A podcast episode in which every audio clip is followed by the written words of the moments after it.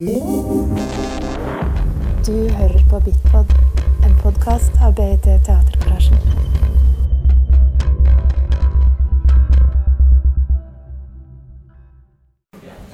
Velkommen hit. Eh, Jeg har fått lov til å si noen ord. Jeg er da Anna Botsen, og jeg eh, er en av initiativtakerne til eh, Levende kritikk. Sammen med en som heter Ragnhild Frenge Dale. Hun er i Cambridge i dag og skal snart disputere sin doktorgradsavhandling, så hun kunne ikke være her. Så derfor har jeg fått eneansvar. Det ligger på min skuldre. Eh, Men jeg syns det er så utrolig kjekt at det er så mange som har kommet hit eh, på en lørdag klokken seks. Eh, og vi har invitert Snelle Hall til å snakke litt om dans og moderne dans. Og, og hun vil fortelle mer sjøl. Og etterpå så skal vi se forestilling. Og så de som ønsker, kan være med på Kritikersalong. Um, og jeg bare gleder meg veldig. Og jeg er så glad for at Karen har sagt at vi fikk lov til å ha opplegget rundt din forestilling. Så um, ja, jeg bare sier eh, kos dere. Takk. Takk skal du ha. Takk for invitasjonen. Um, takk til Karen. Eh, hadde jeg visst at vi skulle vært i et dansestudio, dere, da skulle vi gjort dette på en helt annen måte. Men uh, dere kan jo prøve dere litt. Kanskje noen er litt lettet for det. Sånn er det. Eh, jeg er selv danser og koreograf, og jeg er teaterviter. Og jobber for tiden som førsteamanuensis på Kunsthøgskolen i Oslo. Med stort sett med, med evne koreografi og, og danseteori. Som i, i praksis er eh, danshistorie og, og mer sånn kontekstualisering. Um, Litt høyere. Litt høyere, ja. Det, jeg har lyst til å nevne at jeg i forbindelse med jobben på KIO har vært veileder for Karen. Bare sånn at det er oppe i dagen. Det har vært veldig fint. Derfor er jeg litt ekstra glad for å være her i dag og kunne se Karens forestilling. Eh, Men denne introduksjonen handler ikke om en altså det, er ingen, det er kanskje noen som blir skuffet over det, men det er ingen introduksjon til Karens forestilling. Eh, Den skal vi alle oppleve å se. Jeg har ikke sett den selv. Så det, jeg, jeg snakker mye mer generelt om noen, noen, noen tendenser i utviklingen av, eh, av nyere dans. Eh, og kanskje når det er en halvtime, så blir det veldig mye hva jeg ikke sier. ikke sant? Hva jeg utelater også. Eh, bare så vi har med oss det i, i bakhodet.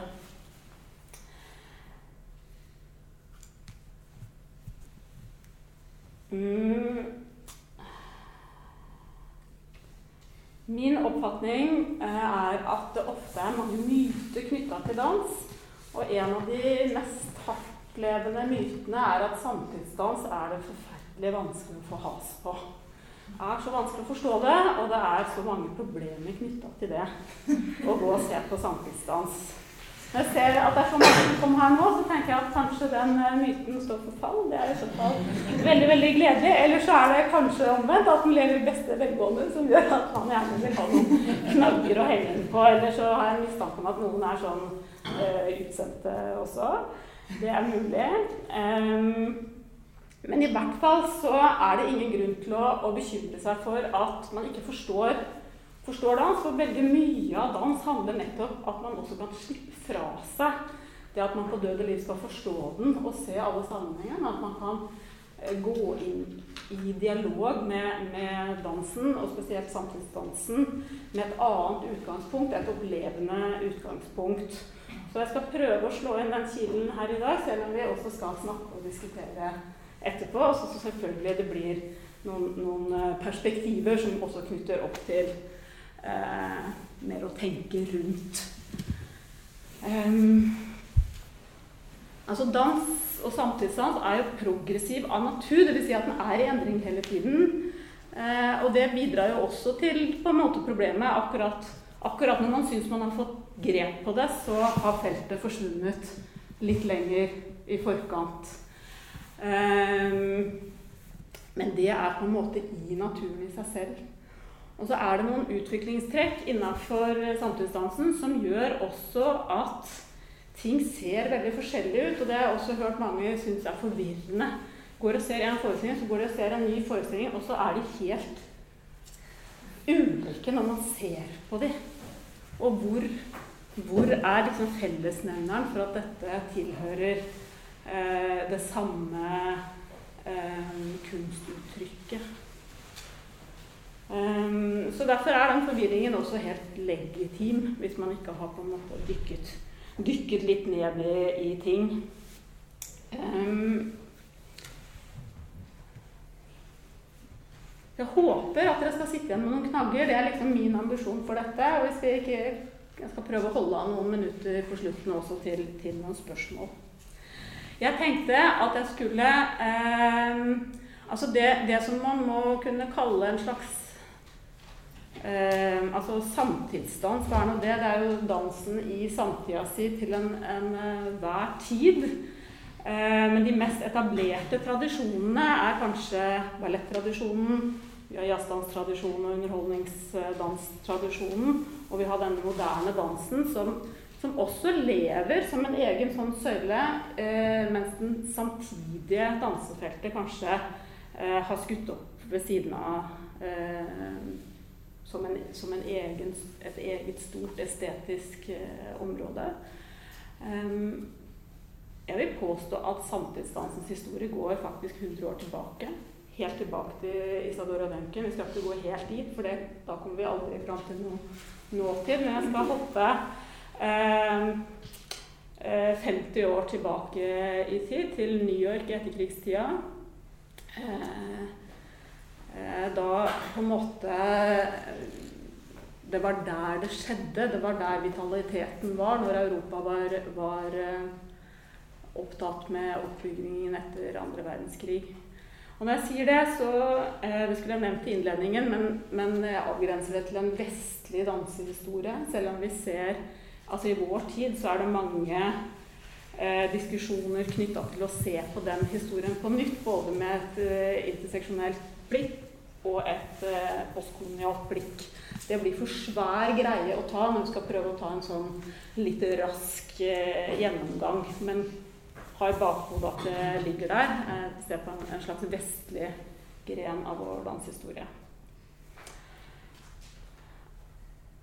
Judson Dance Theater, jeg vet en del av dere Selvfølgelig er det kjent for en del av dere, kanskje ikke for alle.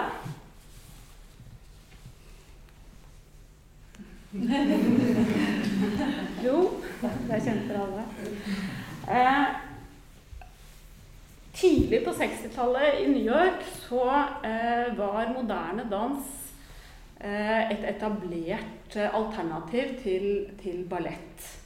Eh, spesielt i, i, USA var det veldig sterkt, fordi eh, eh, de har en mye yngre ballettradisjon enn det vi har i Europa. Eh, det er kanskje navn som Isadora Duncan og Martha Graham er kjente for noen av dere. Um, så kom Cunningham, som kanskje er kjent for noen av dere. Og da er vi nesten framme ved dette Judson Dance Theater, som representerer dette bruddet. Og det bruddet som Judson eh, representerer, eh, de var en sammenstilling av folk. Det er et brudd i seg selv. Eh, den moderne dansehistorien er bygget opp rundt, rundt enkeltindivider i veldig stor grad, både i USA, men også i Europa, eh, som lagde egne subjektive uttrykk ut ifra seg sjøl. Og det igjen har å gjøre med at den moderne dansen oppsto eh, samtidig med ekspresjonismen. At man begynte å undersøke dette med å kunne uttrykke subjektet gjennom kroppen.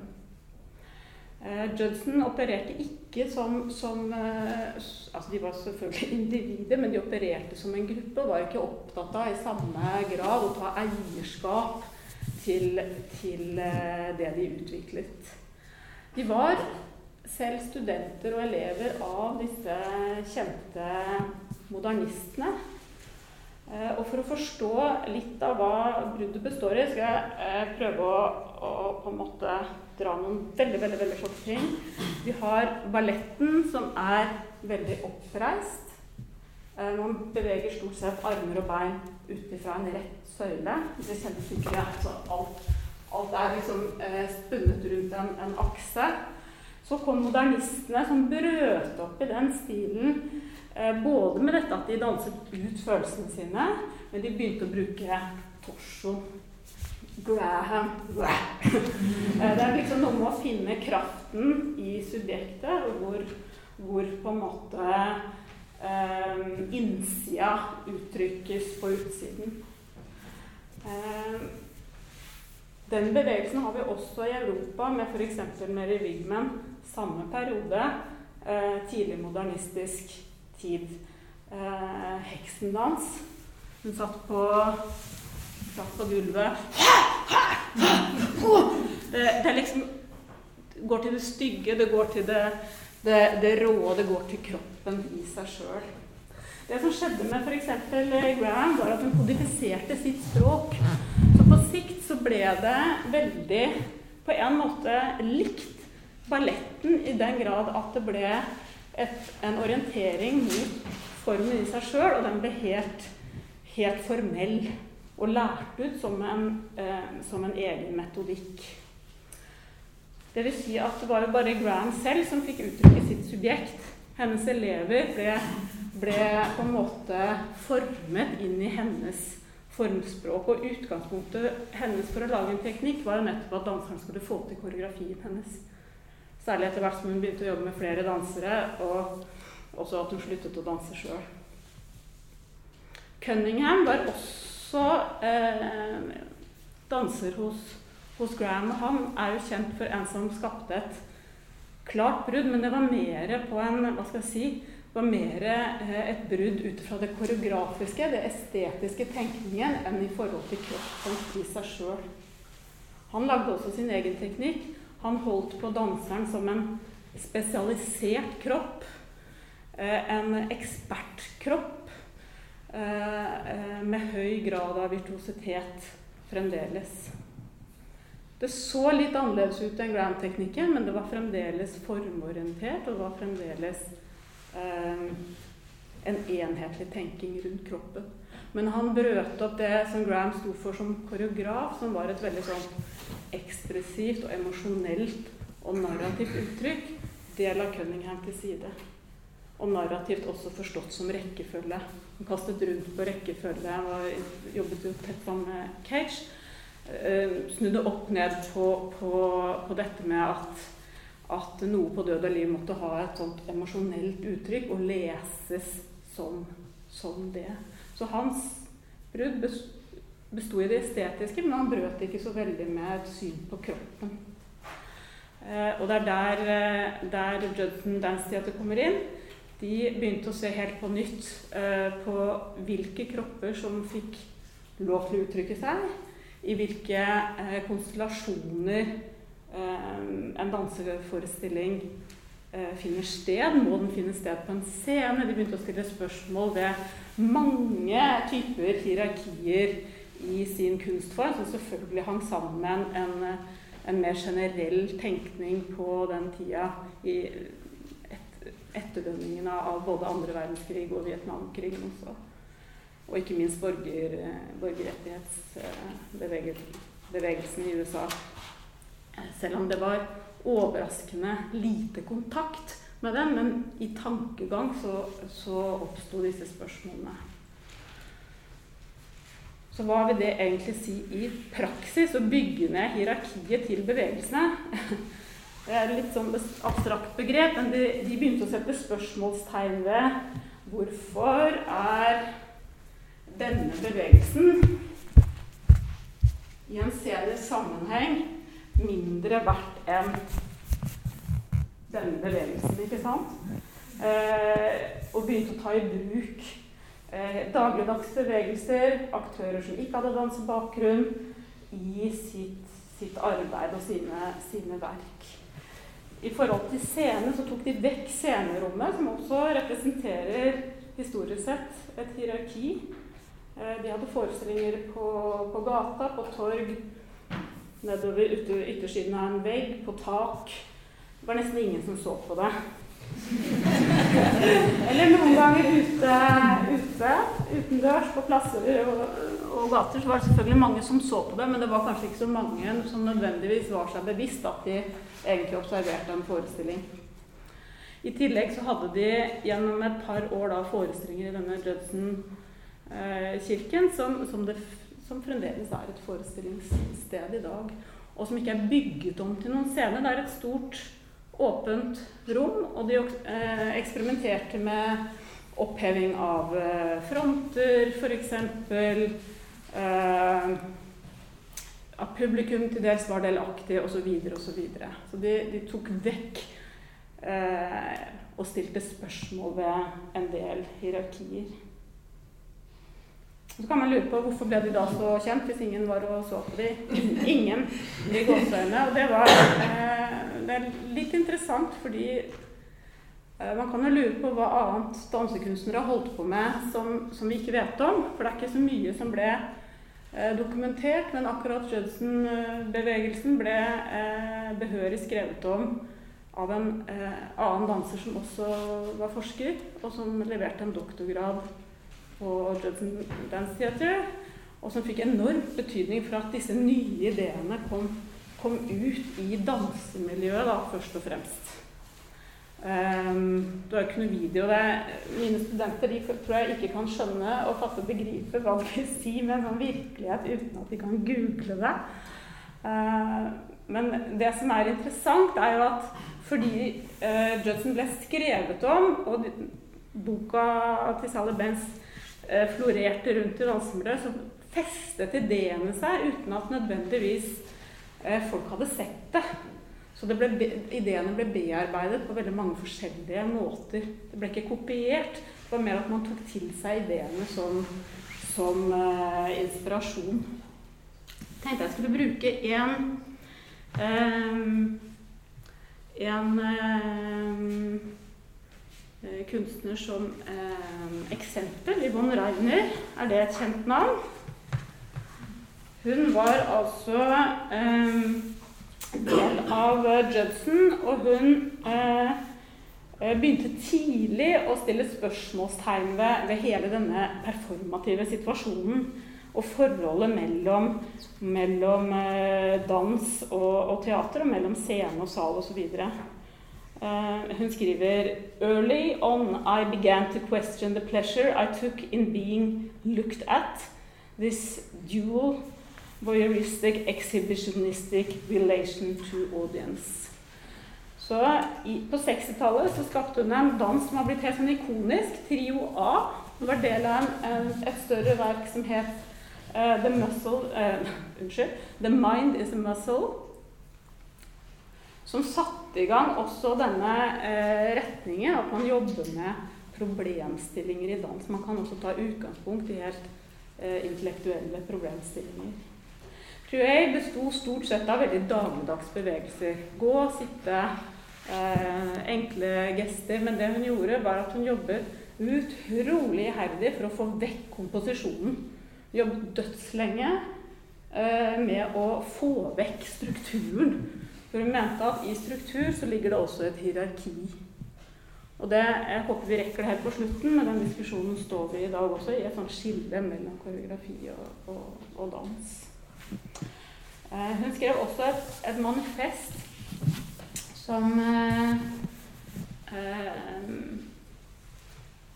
som er ganske krast, og som er Jeg tror hun var bare et par og tjue når hun skrev det. Jeg har lyst til å lese det opp, for det, det sier litt om, om på en måte hva, hvilke forestillinger mange fremdeles sitter med når man tenker på, på scenekunst, og som vi altså eh, diskuterte for nå 60 år siden. Eh, her er manifestet hennes, og det blir bearbeidet og svart på og bearbeida og svart på i uendelig mange runder seinere. No to spectacle. No to virtuosity. No to transformations and magic and make believe.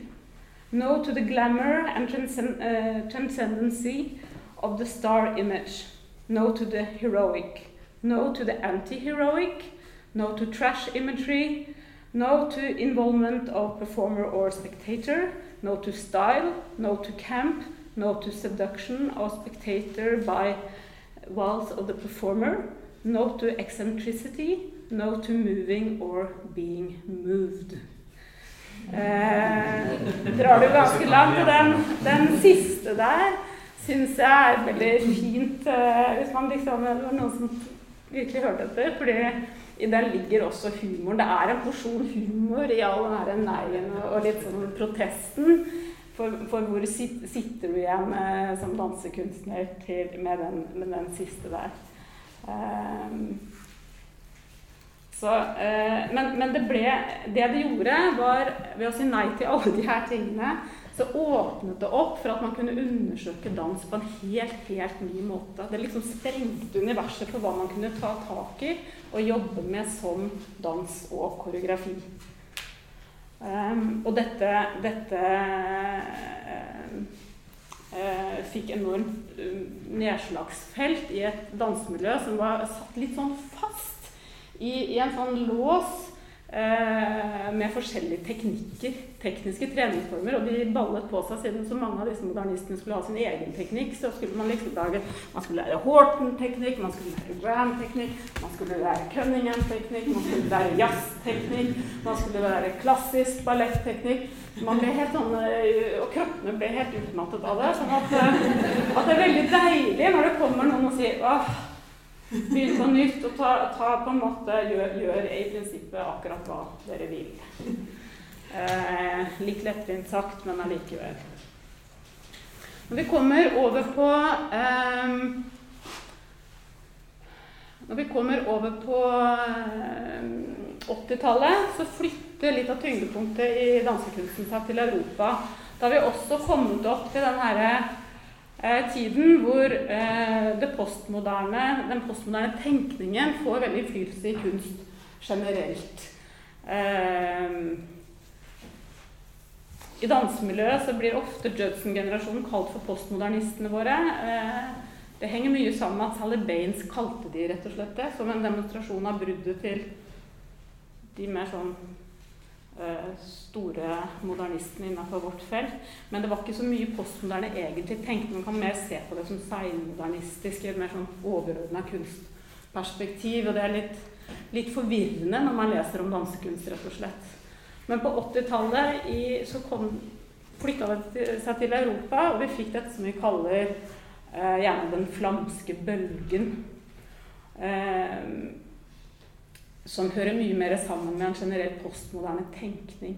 Man slutter å tenke at noe gammelt skal erstattes med noe nytt. Man begynner å sette sammen eh, uttrykk. Man jobber på tvers av kunstformene i en helt annen grad. Eh, man får en likestilling av virkemidlene i forestillingene. Sånn at man opererer med, med en dramaturgi der ikke liksom lyset understøtter dansen kostymene understøtter dansen hvis det er en danseforestilling. Og alt på en måte bygger opp under dansen som sådan. Lys, altså de andre virkemidlene får selvstendige eh, blir selvstendige uttrykksbærere i forestillingene i seg sjøl. Man blander teater og dans, man blander tekst med dans, man blander ulike danseformer.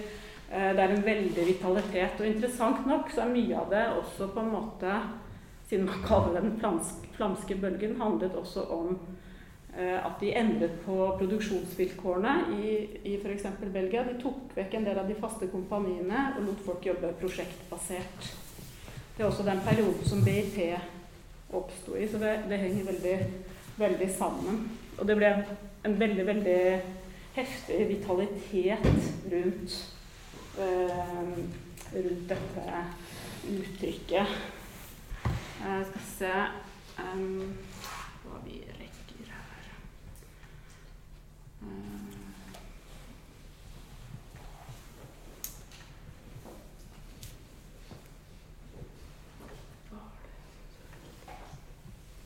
Belgia, ble, Belgia og Nederland ble helt sentral, og det oppsto det oppsto noen veldig veldig sentrale navn som er på en måte blitt del av den moderne dansens, eller samtidsdansens sånn kanon i vår tid. F.eks. Anna Therese de Kirchnecker, Rosas. Eh, vi har Wim von de Cabus, f.eks. Um, og noe av det som um, kjennetegner disse uttrykkene, for det var jo tross alt danseforestilling, selv om de andre kunstartene spilte kraftig inn, var at eh, det, det, ble en um, Det ble mer spektakulært igjen i uttrykket fordi man begynte å hente opp igjen Det ble ikke en sånn nifokus ni på selve dansingen, men mer på sceneuttrykket i større forstand. Man satte ting opp mot hverandre. Oi, oi, oi, dette går fort. Satte ting opp mot hverandre, og, og det ble også en, en, en voldsomhet som, som, også er del av den postmoderne tenkningen. Eh, hvis man går til eh, altså Noe av det, det, som kom opp med det postmoderne, var at vi sluttet å ha troen på framtiden, og i det så oppstår også en sånn der, litt panikkartet eh, frykt, en sånn tomhet for hva som kommer foran. og Det ga seg utslag i scenekunsten også som som en del, eh, med en del sånn voldsomme eh, effekter og virkemidler. Og, og, kraftfull dans, ofte elementer av fare. Men også en veldig undersøkelse av blikk, av publikumskonteksten. Eh, hvem ser på hvem? Hvem undersøker egentlig hvem? Eh, eh, og diskusjonen om kjønn fikk også en fornya plass, pluss at man begynte da å hente hente fra historien, begynte å se på historien på nytt. Og Knut Ove har jo bidratt med flere begreper som, som klargjør den, den, dramaturgien det bygger på. Gå litt raskt av gårde til eh, 90-tallet, for da kommer det som ble mye kalt konseptuell dans. Eh, som på en måte eh, har, har, fått en sånn eh, litt rar merkelapp ikke-dans. Eh, som er en litt merkelig merkelapp, fordi noe av det som kjennetegner den perioden, var nettopp en, en veldig undersøkelse, å gå tilbake til en undersøkelse av kroppen, preget også av en dialog med filosofi, eh, samtidig filosofi på den tiden. En dekonstruksjon av hvordan vi ser på, på kroppen, og hva kroppen er i seg sjøl, hva den uttrykker i seg sjøl. Det går, eh, går tilbake til et mer sånn nedtona uttrykk, men med et ganske annet eh, utgangspunkt enn en på en måte Judson-generasjonen, som mer reagerte på eh, sine, sine formødre spesielt eh, innenfor dansen. Så var det her mer knytta til en, en, orientering i samtiden. Eh, opp mot årtusenskiftet. Eh, danseviter eh, Bojana Schweiz har foreslått å, å, heller benevne det eh, koreografiske problemstillinger, som, som jeg tenker liksom er et sånt uttrykk som er lettere å ha med seg enn denne konseptuelle dansen. For det ligner jo ikke på konseptkunst. Men det er, det er, sant at det liksom er bygget rundt noen ideer, men man jobber med det med, med kroppen. Eh, og det, eh, med denne eh, konseptuelle inngangen, som, som da blir da hver enkelt forestilling mer som et svar på et spørsmål. Sånn at en koreograf kan lage fire forestillinger som ser helt forskjellige ut, fordi spørsmålet har vært helt forskjellig. Det er spørsmålet som lager metoden inn i forestillingen, og dermed så blir resultatet mye mer forskjellig enn man så i, i modernismen tidligere, hvor en koreograf utviklet språk gjennom kanskje hele kunstnerskapet. Eh, det betyr jo også at eh, ulike konstellasjoner, ulike eh, kunstnere, eh, kommer til veldig forskjellige eh, svar på mange forskjellige ting. Så blir det et veldig mangefasettert estetisk uttrykk som, som resultat. Så dette med en utvikling der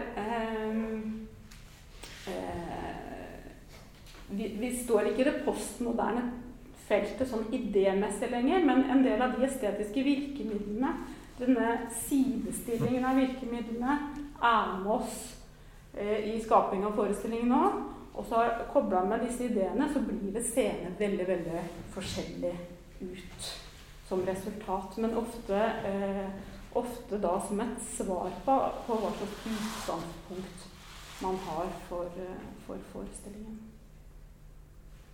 Jeg tror jeg skal la det henge i lufta der, så høre om noen av dere har, et, har spørsmål, f.eks.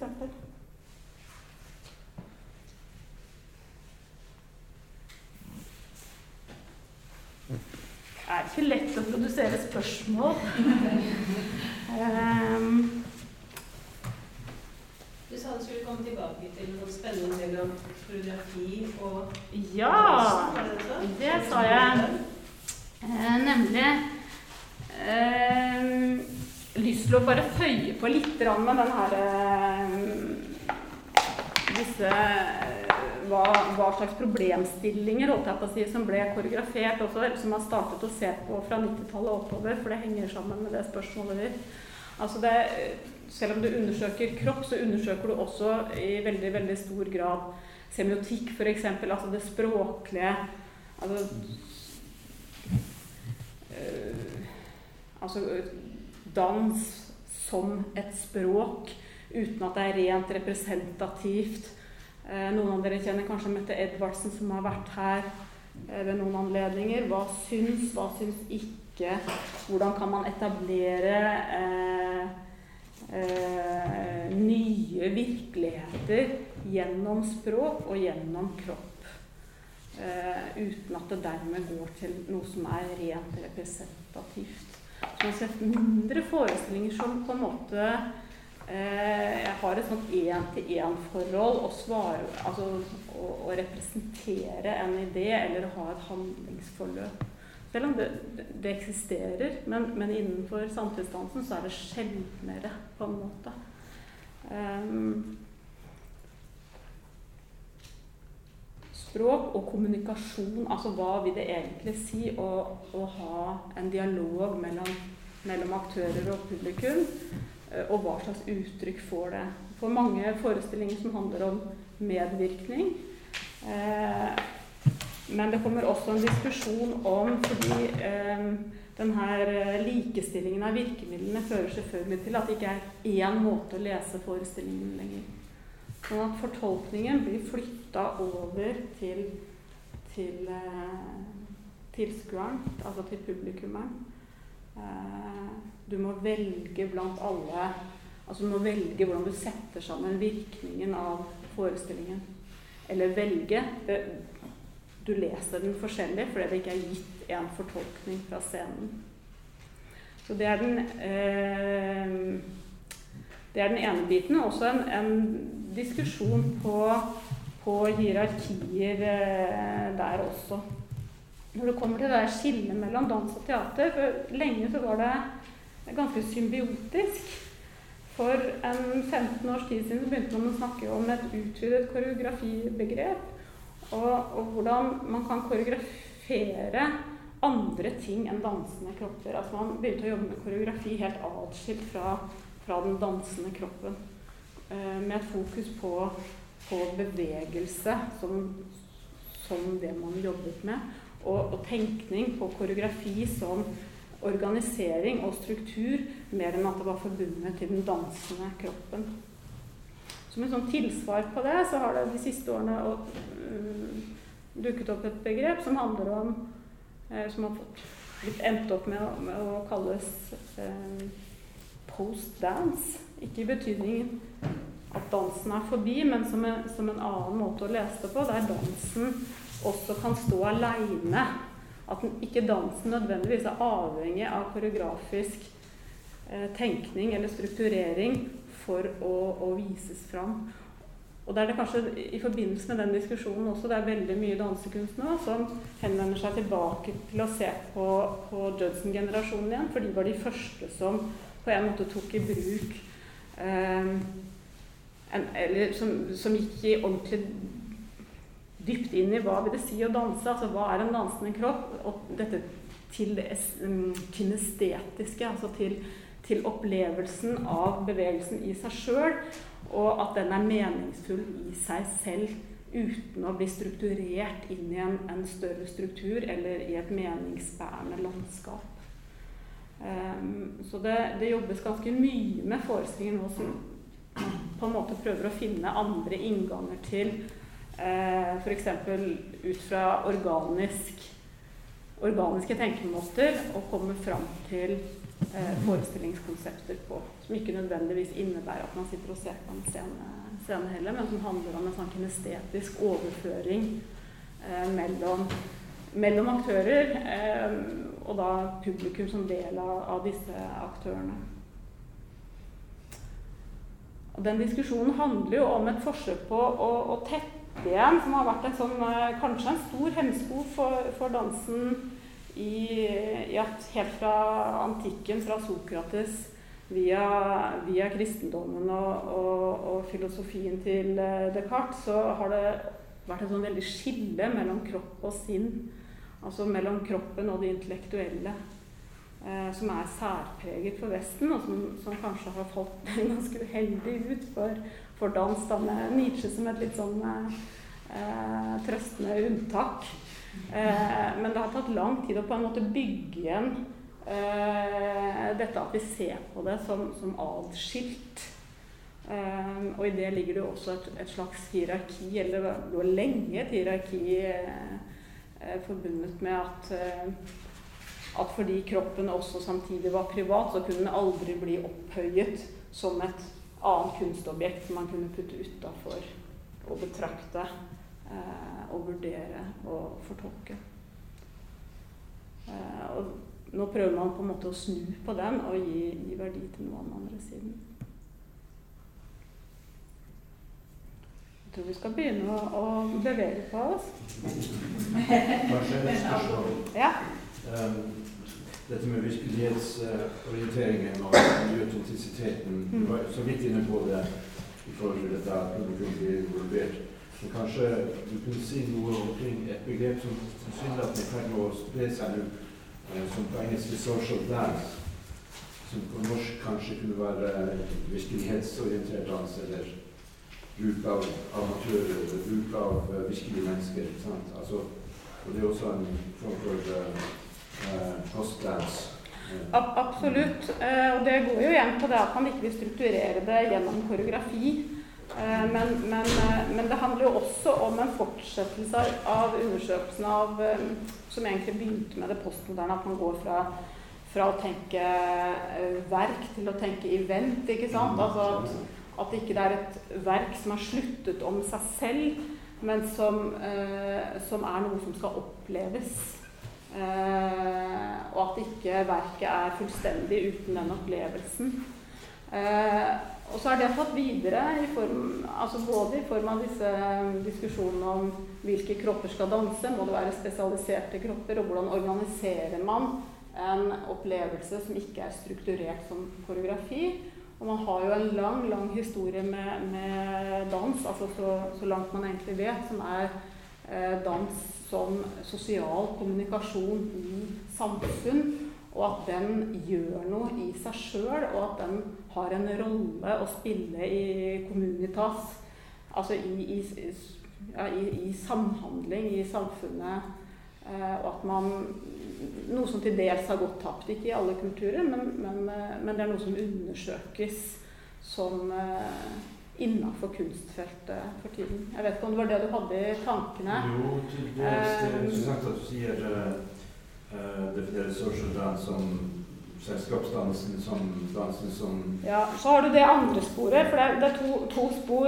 Det andre er det mer politiske. Altså ja, hvordan, det det. ja, Ja, det, det hvordan, hvordan dans også har blitt brukt. F.eks.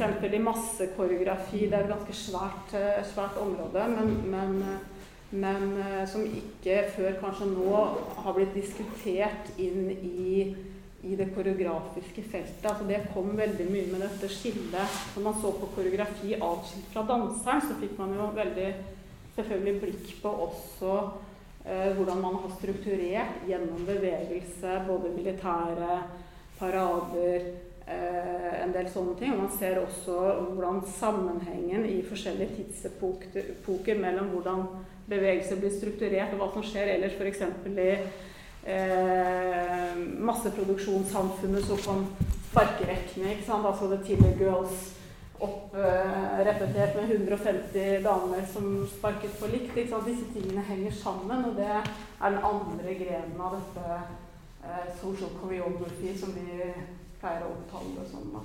For det går på Den og Varieteen og hele, hele det, den biten der, men også, også som virkemiddel politisk. Altså sånne masseopptrinn som vi i Vesten kanskje husker best fra, fra Hitler, men som, som uh, i Øst-Europa er det mange, mange eksempler, og, og, i Asia finnes det mye om Mm. Så det er, det, er, det er, som sagt veldig mye som utelates her. Men hva, hva var det du kalte det siste? Social Social choreography. Hvis du googler det, så kommer det en del på, på dette. Ja, social choreography mer presist enn social dance. Ja.